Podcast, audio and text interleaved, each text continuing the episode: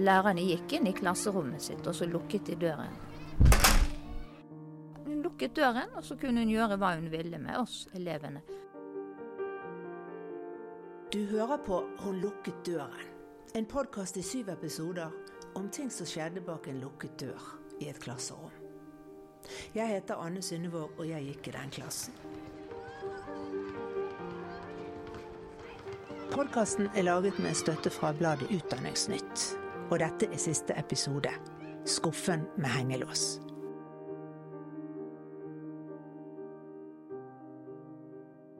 I morgen er det søndag, den skinner over hei. Den deiligste Olaf er blitt pensjonist.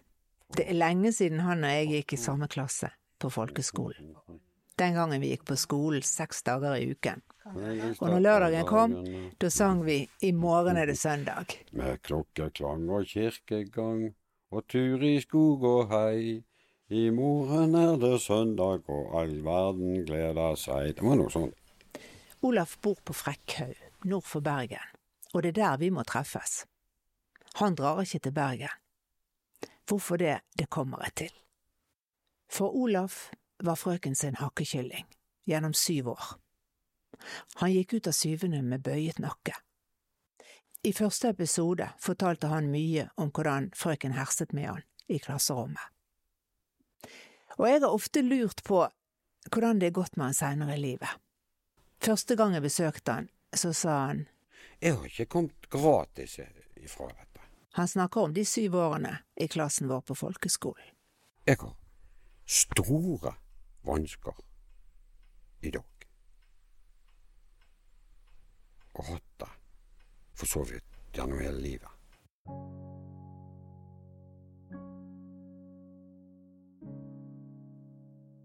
Olaf var den minste gutten i klassen. I dag er han lang og tynn og litt hengslete. Håret er mørkeblondt, skjegget grått, og øynene er litt saktmodige. Litt sånn Lillebjørn Nilsen-øyne. Selv husker jeg det som om det var i går.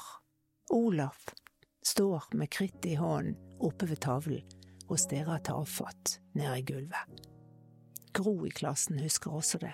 Og det eneste jeg husker av Olav, det er den bøyde nakken hans. Jeg kan aldri huske at jeg så ansiktet hans, egentlig, for han gikk vel alltid og så ned. Geir var den i klassen som frøken aldri klarte å kue. Uansett hvor sint hun ble, så kneiset han med nakken. Men Geir har ikke glemt hvordan det var, han heller. Det var personer i den klassen som hun rett og slett hadde som, ja, hva skal vi kalle det, for hakkekyllinger. Olaf sier at da han gikk ut av syvende klasse, i juni 1965, var han fullstendig nedbrutt. Men så skulle alt forandre seg. For på ungdomsskolen ble han møtt av en lærer som ikke bare så han, men så bygget han opp igjen. Var en glimrende, et glimrende menneske. Det betyr mye for deg da? Kolossalt. Ungdomstiden blir flott, og alt går veien for Olaf. Han tar teknisk utdannelse, han blir etter hvert lykkelig gift med sin Grete, og blir pappa til tre gutter. Og som om ikke det var nok, han har fått drømmejobben. Og Olaf, som gjennom syv år på folkeskolen tilsynelatende aldri klarte å regne det enkleste matestykket når han måtte opp på tavlen. Den samme Olaf har nå en jobb som krever avanserte mattekunnskaper. Det skulle frøken ha visst. Jeg fikk aldri den tilfredsstillelsen og sånn at Jeg skulle jo ønske hun hadde sett meg. Jeg er en av de aller første i landet som drev med programmering. Som tegnet med dataassistert konstruksjon. Så du drev det langt? CAD. CAD. Trengte du matte og regning for å gjøre det? Oi, ja. Ingen problem. Aldri hatt noe problem med det. Men et helt annet problem dukker opp. Som lyn fra klar himmel. Det er i 1976. Olav skal snart fylle 25, og han har tatt til byen sammen med kone og en vennegjeng for å se på revy med Dizzie Tunes og Øystein Sunde. Jeg satt der, og plutselig så begynte jeg å føle at, at salen begynte å gynge og svettet og alt. Det var, det var helt sånn katastrofal sånn Det var det første feelingen jeg fikk eh, ut av steintøff angstanfall. På denne tiden er Olaf godt i gang med karrieren. Han jobber som ingeniør og konstruktør hos den bergenske industrigründeren Frank Moen på Framor, en bedrift som lager lasteoljepumper og oljevernutstyr. Og med årene så får han stadig mer utfordrende oppgaver. For eksempel så var vi, vi var tre stykker i en gruppe som laget en eh, på 90-tallet en farkost. En fjernstyrt liten ubåt som eh, brukes over hele verden. Han har vært i voldsomt mye brukt i, i Korea. Gamle eh, krigsskip som ligger senket og lekker olje. Den oljen må jo opp. Men midt oppi gleden ved å være med å utvikle nye produkter, lurer angsten. Det er blitt veldig vanskelig å krysse åpne plasser, eller gå over en bro. Jeg, jeg kunne aldri ha gått over til overmanningen. På skoss over til overmanningen eller noe sånt. Jeg, jeg går, går langs husene. Sånn. Det er et veldig kjent fenomen. Hos Wesenlund fortalte veldig mye om det der. Han var veldig plaget med det. For det er det det heter, er det ikke det agorafobi? Forbi. jo. Etter hvert så viser det seg at panikkanfallet han fikk på disse tuneskonserten ikke var noe engangstilfelle. I perioder blir det heftig. Olaf fikser ikke å reise noe sted utenom jobben. Han må droppe å følge guttene sine på fotballkamp eller dra til byen. Han går ikke i selskaper og drar ikke på ferie. Han går på jobben og hjem igjen.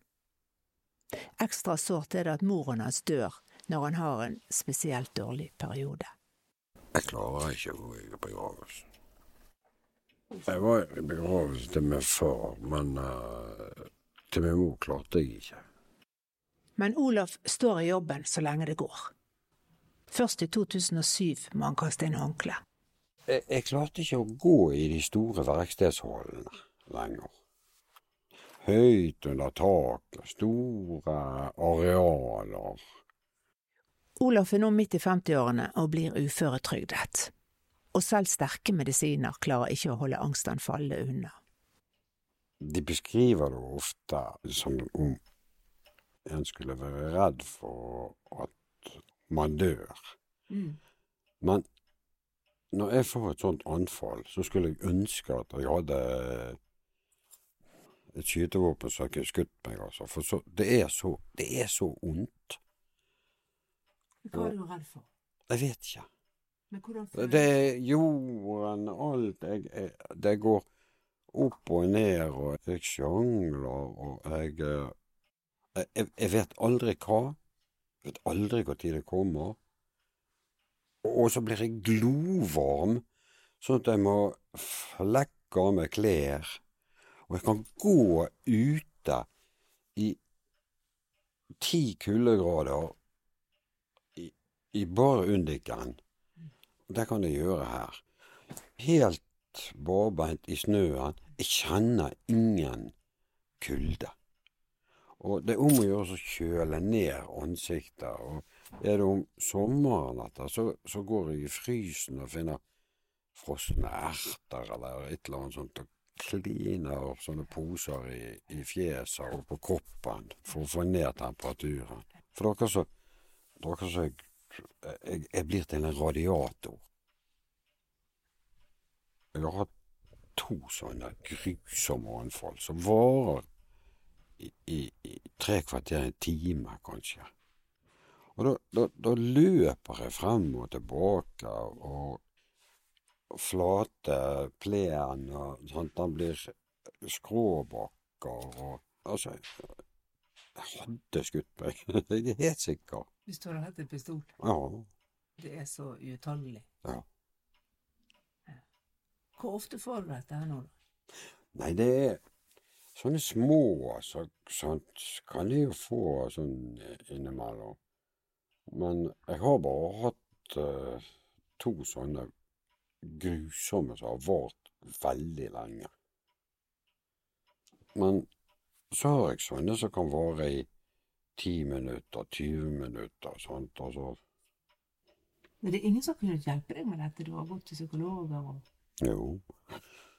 Jeg har gått til psykologer, og jeg har papir på at jeg er blitt feilbehandlet. Og så bruker jeg jo veldig sterke tabletter. Jeg er jo nå nesten som en junkie, sant. Nei, ikke junkie. Eh, sånn narkoman eller Har du fått for mye medisiner? Ja, over for lang tid, sånn at jeg er blitt avhengig av det. Så jeg hadde jo en eh, psykiater som kom her og intervjuet meg, og skrev et eh, stort dokument om dette her. Og hans konklusjon er rett og slett at jeg er blitt feilbehandlet. Men, men det er veldig lett å, å si. Men når ingenting hjelper, så er det veldig lett å så ty til sånn, Så begynner man gjerne med noe sånn, En liten dose valium som skal hjelpe.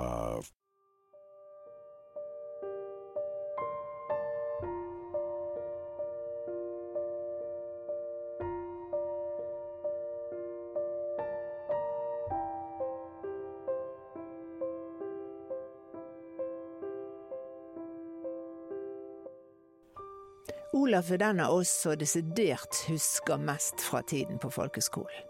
Dessuten er han en kløpper på nettet. Han har klart å spore opp den ene gamle klassekameraten etter den andre. Ja, uten hans hjelp så ville ikke denne podkasten blitt noe av. I de forrige episodene har du fått høre om Thor, som døde da vi gikk i andre klasse. Den tiden han hadde i klassen vår, da ble han det som jeg vil si herset med av hun frøken vår. Det var ikke vanskelig å skjønne at her var en som ikke var bra nok. Rikard var heller ikke bra nok. Og klærne hans var fillete. Han gikk med gensere som var helt opproknet her. Og hun eh, likte ikke ranselen hans. Han likte ikke gutten og syntes at han var skitten. I denne podkasten har du også møtt Mona, som sliter med cerebral parese, og som svarer sånn da jeg spør henne hvordan hun opplevde å bli behandlet av frøken. Stygt. Jævlig. Men så har jeg snakket med flere andre gutter i klassen som ikke husker noe av dette. Hun var jo en flink lærer, mener de. Gisle sier det på denne måten. Altså, det var jo en del som fikk kjeft. Eh, Men kjeft på, på den tiden så var jo kjeft en del av omgangstonen. Gisle har jo rett i at det var mye mer vanlig å få kjeft av læreren for 50 år siden enn det er i dag. Den gangen hadde jo læreren lov til å klabbe til en rampete elev også, og det skjedde jo, ikke sjelden heller. Likevel lurer jeg på hvordan vår frøken kunne få holde på som hun gjorde, og herse med noen av elevene dag ut og dag inn i syv år, uten at skolens ledelse reagerte. Jeg har prøvd å spore opp noen av de som var lærere på Helle skole den gangen, og den som leter, finner. Jeg heter Sven Skorpholm. Jeg har tatt buss og ferge til Fitjar sør for Bergen for å treffe han. Det er jo fantastisk øyrike ut gjennom her. En litt blåsete dag i juni. Jeg forteller Svein Skorpholm litt om hva denne podkasten handler om. Om erfaringene vi har med læreren vår gjennom syv år på Helle skole. Og det viser seg at han har vært både elev og lærer på Hell. 55 og sluttet gikk ut i 60. Du gikk ut fem år før oss, sant? Ja. Hell skole var Bergens nyeste og flotteste skole da Skorpholm kom dit som elev ved oppstarten i 1955. Skolen var et utstillingsvindu. Her kom de kongelige på besøk for å se, og her kom den amerikanske ambassadøren da han besøkte Bergen. Det er jo viktig å huske på at Hellen skole tross alt var en foregangsskole når det gjaldt å etablere et samarbeid mellom skole og foreldre. Og det foreldrerådet det tilrettela i bøtter og spann med fritidsaktiviteter. Så Hellen skole var et, en foregangsskole. Det var ingen skoler som jeg noensinne har hørt om som hadde så mange aktiviteter gående. Det jeg husker av dette, var et blokkfløytekurs som jeg var med på. Jeg tror det må ha vært i andre klasse. Men det var flere som var med i skolekorpset i vår klasse. En av de var Toril. Vi hadde en, en dirigent som eh, så oss, og som ga oss muligheter og inspirasjon og selvtillit. Ja. Så, og, men det var andre grupper på skolen også. Det var mandolingruppe. En stort mandolinorkester. Og så var det dramagrupper. Det var strikkegruppe. Og det var liksom det at Hellen skole eh, så litt fremover. Eh, de hadde tanker om, som gikk inn i vår tid. Det er sikkert riktig. Jeg har bare aldri vært klar over dette, før Toril og Skorpholm forteller meg det. Når jeg tenker på Hell skole, så er det det som skjedde i klasserommet, som overskygger alt annet. Men tilbake til Sven Skorpholm. Det jeg lurer mest på, er jo om han husker vår frøken. Og det gjør han. For det viser seg at han har hatt henne som vikar en gang da han var elev der. Og så var hun fortsatt lærer på Hellen da han kom inn i lærerkollegiet der i 1971. Det var seks år etter at vi var ferdig på barneskolen.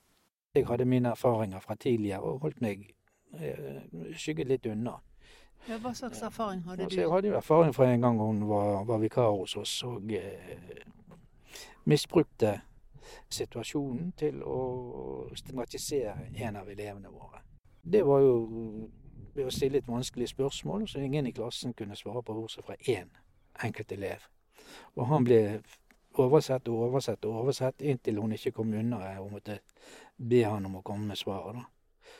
Og eh, når han da svarte rett på spørsmålet, så eh, var eh, kommentaren hennes hvordan i alle dager han kunne vite det som var bror til den og den som gikk i en annen klasse. For hun var jo ingenting verdt.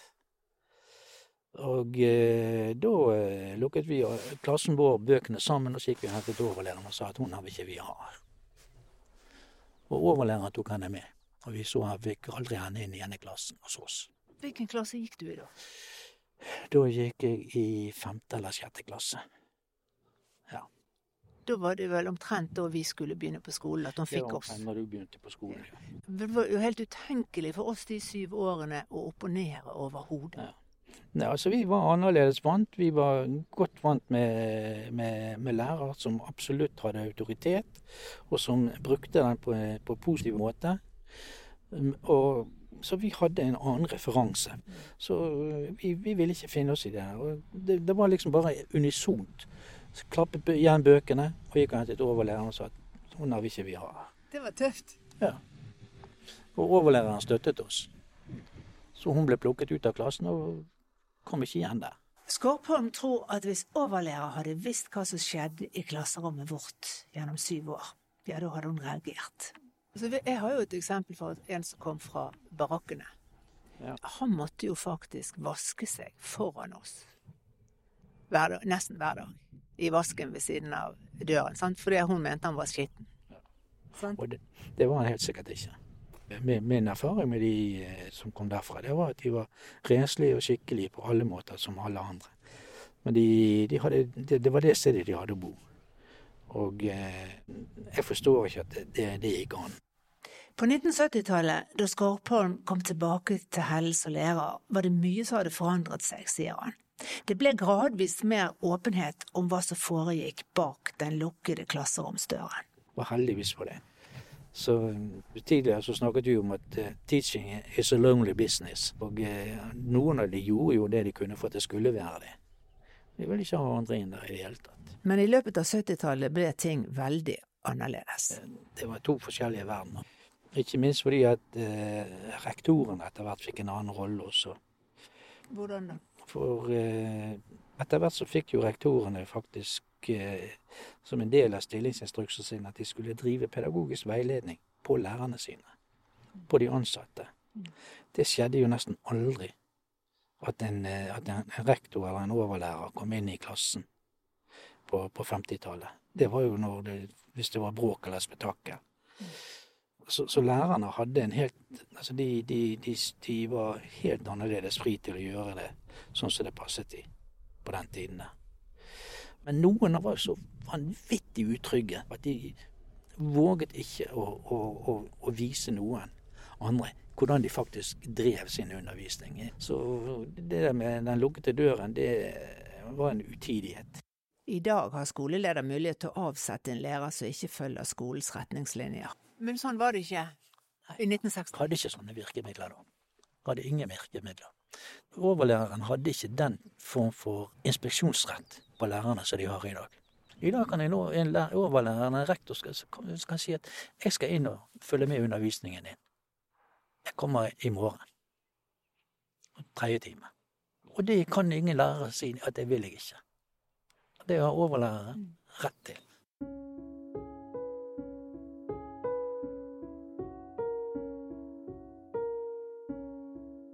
Tilbake på Frekkhaug sitter Olaf. Han forteller meg at i dag reiser han ingen steder lenger. Jeg reiser jo hvis jeg må. Er det så plagsomt å reise, liksom? Mm.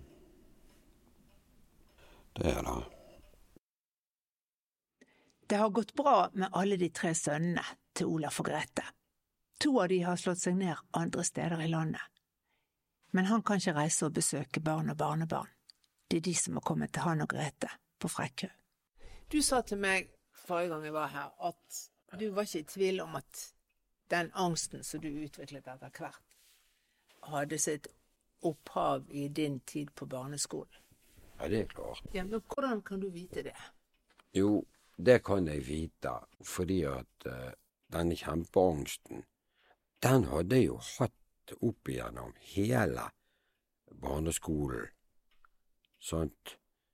Men, men jeg hadde hele tiden klart å på en eller annen måte å, å, å bite det i meg. Sant? Altså, å gå i en spenning i syv år fra du er egentlig bare seks og et halvt år gammel. Det, det, det, er klart at det går ikke, det. Du må bli, bli litt eh, Ja, du, du, får skader av det. Det er helt klart. Var du engstelig, svak, redd for å Ja.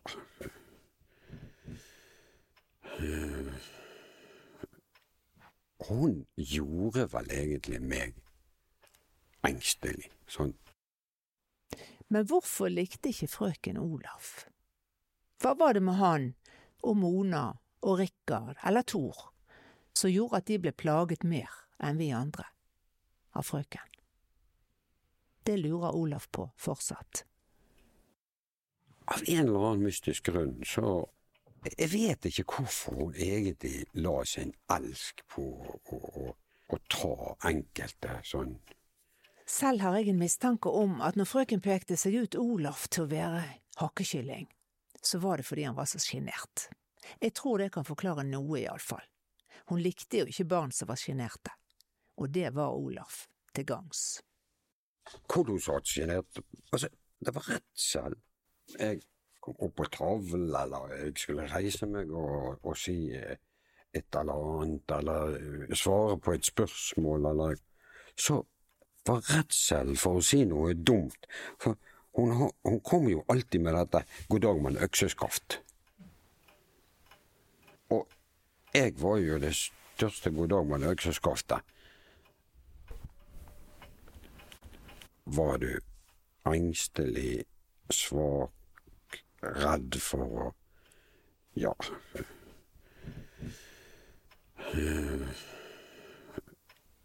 Hun gjorde vel egentlig meg engstelig, sånn En angst som jeg har båret med meg hele livet.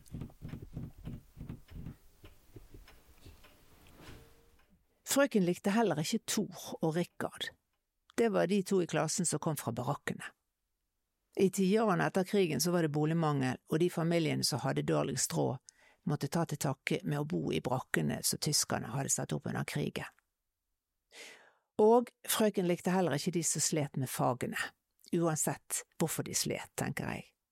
De som ikke presterte i vår klasse, de sto lagelig til for hugg. Men så var det de som frøken likte godt, for de ble aldri herset med. Olaf har en teori om hvem det var. Hun, hun må ha hatt et veldig stund, sånn uh, begeistring for, folk med gamle penger. Med gamle penger. Ja. Det er jo en gang sånn at, uh, sånn at du kan bli veldig rik, men er du av en rik ett slekt I Bergen. Ja, sant. Så blir du jo forgjeldhet.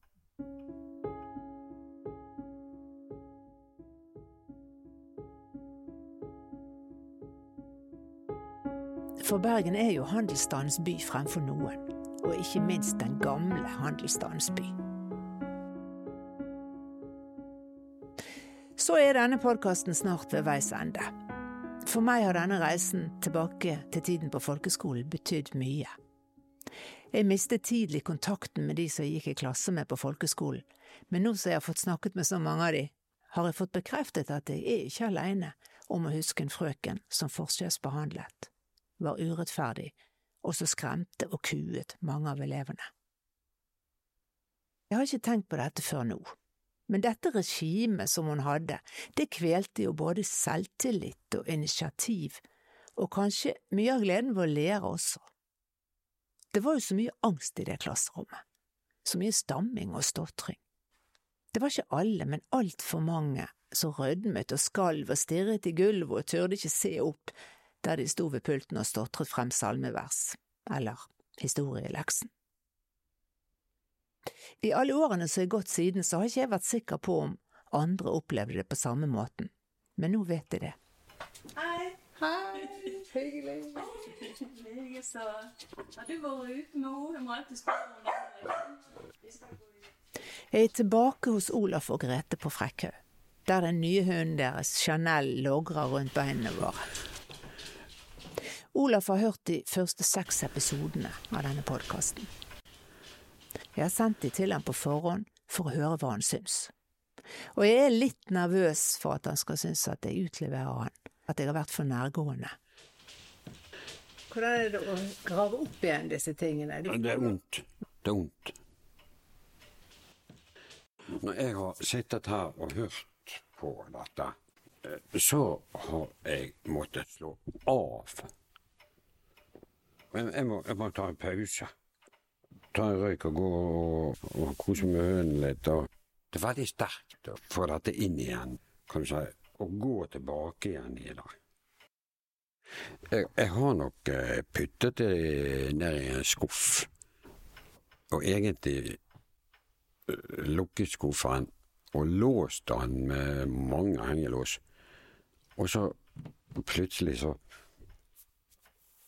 så åpner vi dette her igjen, og så, og så kommer det masse troll ut. Sant? Altså Skremmende troll. Olaf har hatt flere beinharde angstanfall siden sist jeg var her. Og det er jo ikke usannsynlig at det kan ha sammenheng med at han nå har gjenopplevd tiden på folkeskolen. Men eh, det er i hvert fall utrolig interessant å, å få høre de forskjellige for, for jeg har jo egentlig aldri hørt noe, kan du si, om hvordan andre tenkte. Jeg har jo bare vært, levd i min verden. Så hører jeg innimellom disse gode menneskene som var barn den gangen. De har jo sett urettferdighetene. Og det, det, det er veldig godt egentlig å høre disse gode i klassen. Sånn at de har sett dette. Og jeg visste det faktisk den gangen også, at de så det. Men det er godt å få det bekreftet. Det er, det er herlig å høre at det stemmer, det, det inntrykket som jeg hadde også. At dette her var ikke rett. det var på en måte en trøst.